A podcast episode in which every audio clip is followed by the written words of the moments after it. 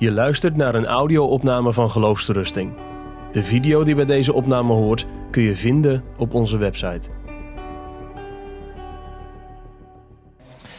In de tweede lezing wil ik ingaan op het Bijbelgedeelte dat wij gelezen hebben, Johannes 5, de man in de, uh, in de zalen van Bethesda.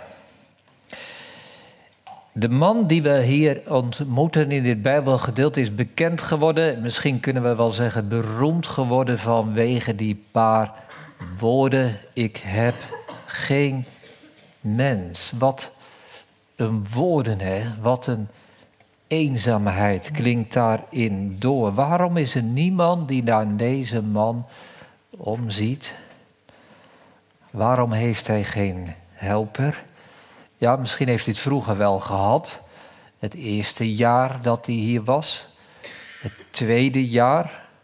Echte vrienden hielpen hem ook nog wel het derde jaar. Maar hij is er nu al 38 jaar. Vroeger medezieken gehad, maar die werden wel gezond. Die zijn intussen uiteraard verdwenen. En nu geeft hij als het ware een samenvatting van zijn eigen leven. Ik heb geen mens. Terwijl de feest is in de stad, juist als er feest is, ligt de man hier alleen en eenzaam te wachten. Vijf zalen van Bethesda, dat woord, die naam Bethesda betekent huis van uitstorting. Vijf zalen gegroepeerd rondom een bassin, een soort vijver. En daar liggen al die mensen, hè, die kreupelen en die blinden, die gewonden, verlamden, zieken. In ieder geval allerlei mensen die uitbehandeld zijn. Waar niemand meer wat voor kan doen. Zij zijn het stadium van de dokter gepasseerd. En ze hopen nu op die zeldzame gebeurtenis. Medisch onbehandelbaar. Ze wachten hier op de beweging, op die beroering van het water zoals vers 7 dat zegt. Dus daar, staat ook, daar ligt ook die man, die staat genoemd in dat korte zinnetje. En Jezus staat bij die man stil. Jezus wacht bij hem. Die man die daar al 38 jaar ligt. Elke dag heeft hij gekeken, heeft hij gehoopt en heeft hij gewacht. Gedacht, ben ik misschien nu vandaag wel de eerste om in dat water te komen. Misschien gaat het vandaag gebeuren dat ik gezond word. Maar nooit is hij de eerste geweest en hij heeft al die, al die 38 jaren te vergeefs gewacht. Maar goed, let op, let op. Wij moeten dit gedeelte niet lezen alsof het hier gaat op een, over een zieke, zielige man die niemand heeft alsof dit Bijbelgedeelte in het Evangelie staat opgeschreven. Kijk om naar zieke mensen. Vergeet de eenzame niet. Breng eens een bezoekje bij die oude buurvrouw. Dat is niet de bedoeling waarom dit gedeelte in de Bijbel staat.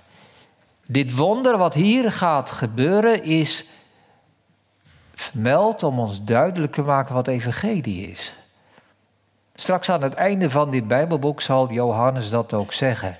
Ik had nog veel meer tekenen kunnen vermelden, maar deze zijn opgeschreven opdat u gelooft. En opdat u door te geloven het leven hebt in de naam van Jezus Christus. 38 jaar. Dat getal is niet zomaar vermeld, want de woestijnreis duurde 38 jaar.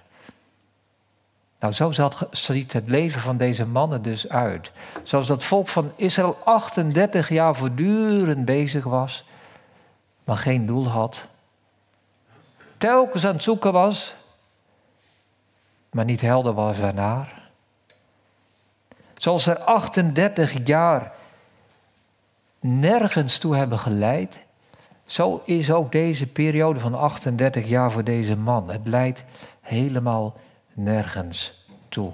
Het heeft hem niet verder gebracht. En dan zou hij er 380 jaar liggen. Dan levert het hem nog niks op. Want Jezus komt niet bij die man om te zeggen: Zieke man, ik ga jou helpen. Ik blijf een dag bij jou zitten. En zodra de beroering van het water er is, sleep ik jou erheen. Ik zal zorgen dat jij daar komt. Ik ben de mens die jij nodig hebt. Dat zegt Jezus niet. Want Jezus komt hier dus niet om de inspanningen en de verlangens en de gedachten van deze man te helpen, te bekrachtigen.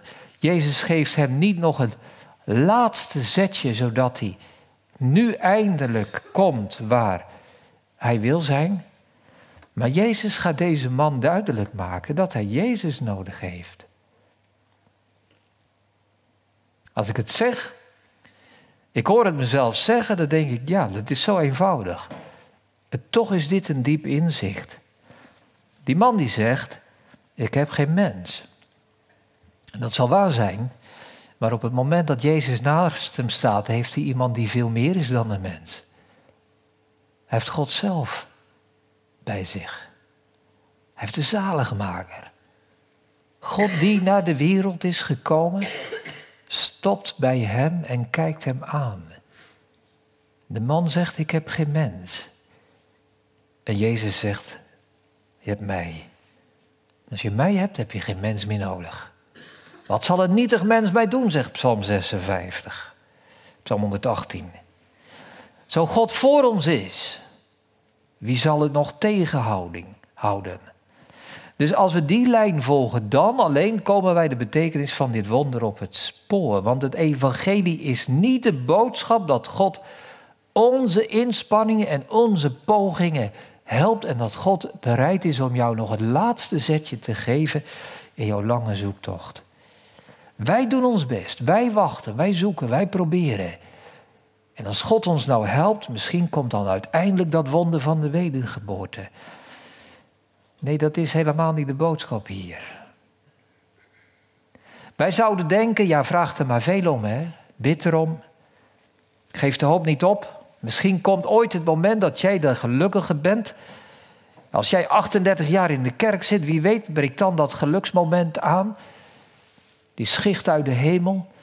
Misschien dat God dan door de banken gaat en bij jou stilstaat. Nee, dit wonder van Johannes 5 zegt, je moet eens de andere kant op kijken. Verlamde man, je tuurt al 38 jaar naar het water. Je zou geen moment de andere kant op durven kijken, want je zou bang zijn dat je dat ene ogenblik mist dat het water in beroering is. Maar Jezus zegt: draai je ogen nou eens weg van dat water en kijk eens naar mij die naast je staat. Kijk eens omhoog. Als je denkt, ik heb mensen gehad die mij wilden helpen. Dominees, ambtsdragers, familieleden. Maar ik ben uiteindelijk alleen. Ik heb geen mens, zeg je misschien vanavond. Ja, maar je hebt ook geen mens nodig als je Jezus hebt. En zo staat hij daarbij bij hem. En zo staat Jezus vandaag bij ons. En hij stelt dezelfde vraag. Zo spreekt hij ons aan, God in eigen persoon. Wil je gezond worden? Wil je gezond worden?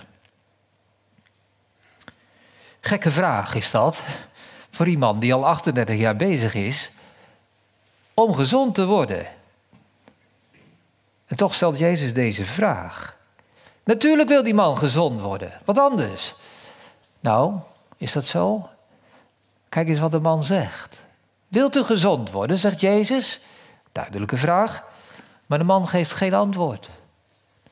Hij reageert wel, maar hij antwoordt niet. Hij zegt: Ik heb geen mens. En dat is treurig, dat is meelijwekkend, heb ik net gezegd. Maar als je dat ziet, die woorden in verbinding met de vraag van Jezus, is het echt een verkeerde reactie. Wil je gezond worden, zegt Jezus. En die man zegt, ik heb geen mens. Wil je gezond worden, ja of nee? Daar zwijgt de man op. Wist hij het antwoord niet? Nou, ik denk dat hij het ontwijkt. Ontwijkt. De vraag overvalt hem. Hij heeft zich eigenlijk met de situatie verzoend. Dit is nu eenmaal zijn leven. Dit is nu eenmaal zijn wereldje. Hij kent de vijf zalen zo goed. Hij weet er alles van. Hij ligt hier nog wel, maar zijn hoop is eigenlijk vervlogen. Dit leven van wachten, dat, dat kent hij. Dat is een woord voor in de psychologie, dat noemen ze ziektewinst. Ik weet niet of je dat woord kent, ziektewinst. Er zijn mensen die een aandoening hebben, een ziekte hebben, een handicap of wat dan ook. En dat is vervelend, dat is moeilijk. Maar eigenlijk levert het hun zoveel voordelen op. dat ze liever in hun ziekte blijven dan er vanaf komen. Ziektewinst. Nou, deze man heeft ook zoiets als ziektewinst. Hij zou eigenlijk ook niet goed weten wat hij zou moeten doen. Hè? Als hij nu weer de stad in moet, het is feest.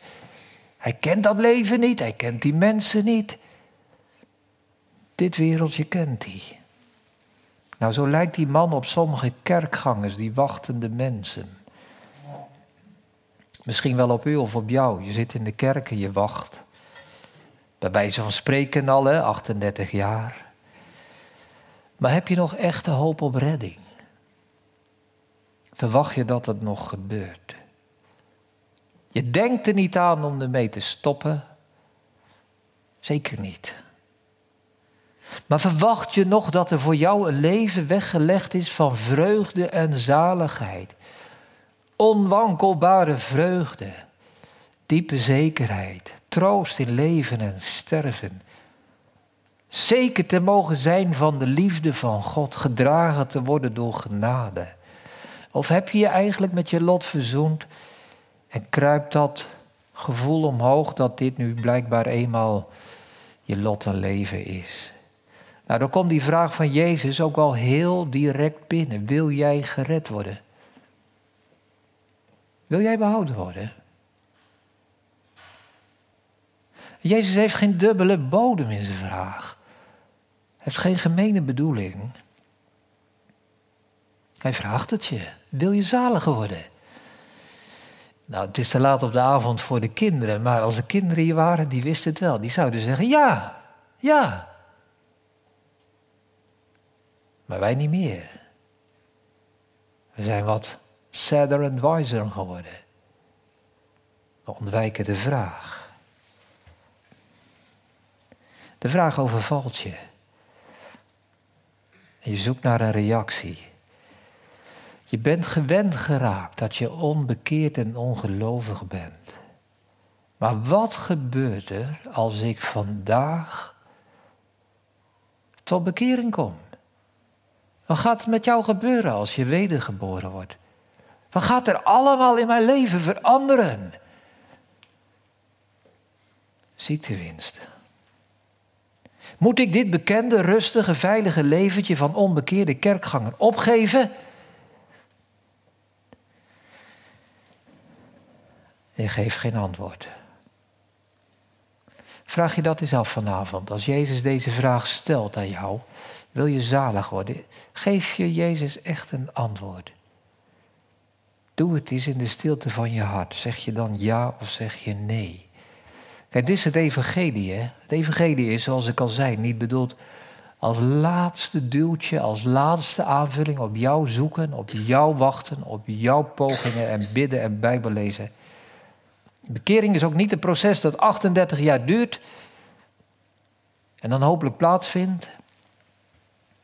Gered worden betekent niet de aanhouden wind, volhouden. Die man die dacht, als bijbelse samenvatting, vele eerste zullen de, vele eerste, zullen de eerste zijn. En de laatste zijn altijd weer de laatste. Genade is een kwestie van de survival of the fittest. Als je het sterkste bent, heb je het meeste kans. Maar Jezus vraagt van ons helemaal geen inspanningen. Hij vraagt helemaal niets behalve een antwoord op zijn vraag. Wil jij zalig worden? Evangelie is veel eenvoudiger en radicaler dan wij denken. En noem mij een bekering in de Bijbel die lang duurt. Ik ken ze niet. Het gaat zo snel en zo kort als deze vraag. Wil je zalig worden? Wil je gezond worden? Laat vanavond de stem in je hart werkelijk een antwoord zijn. En niet zoals bij deze man een ontwijkende reactie. Want die man, die beantwoordt de vraag van Jezus niet. Hè? En daarmee laat hij zien dat hij geen geloof heeft. Hij wordt genezen. Ja, hij wordt genezen.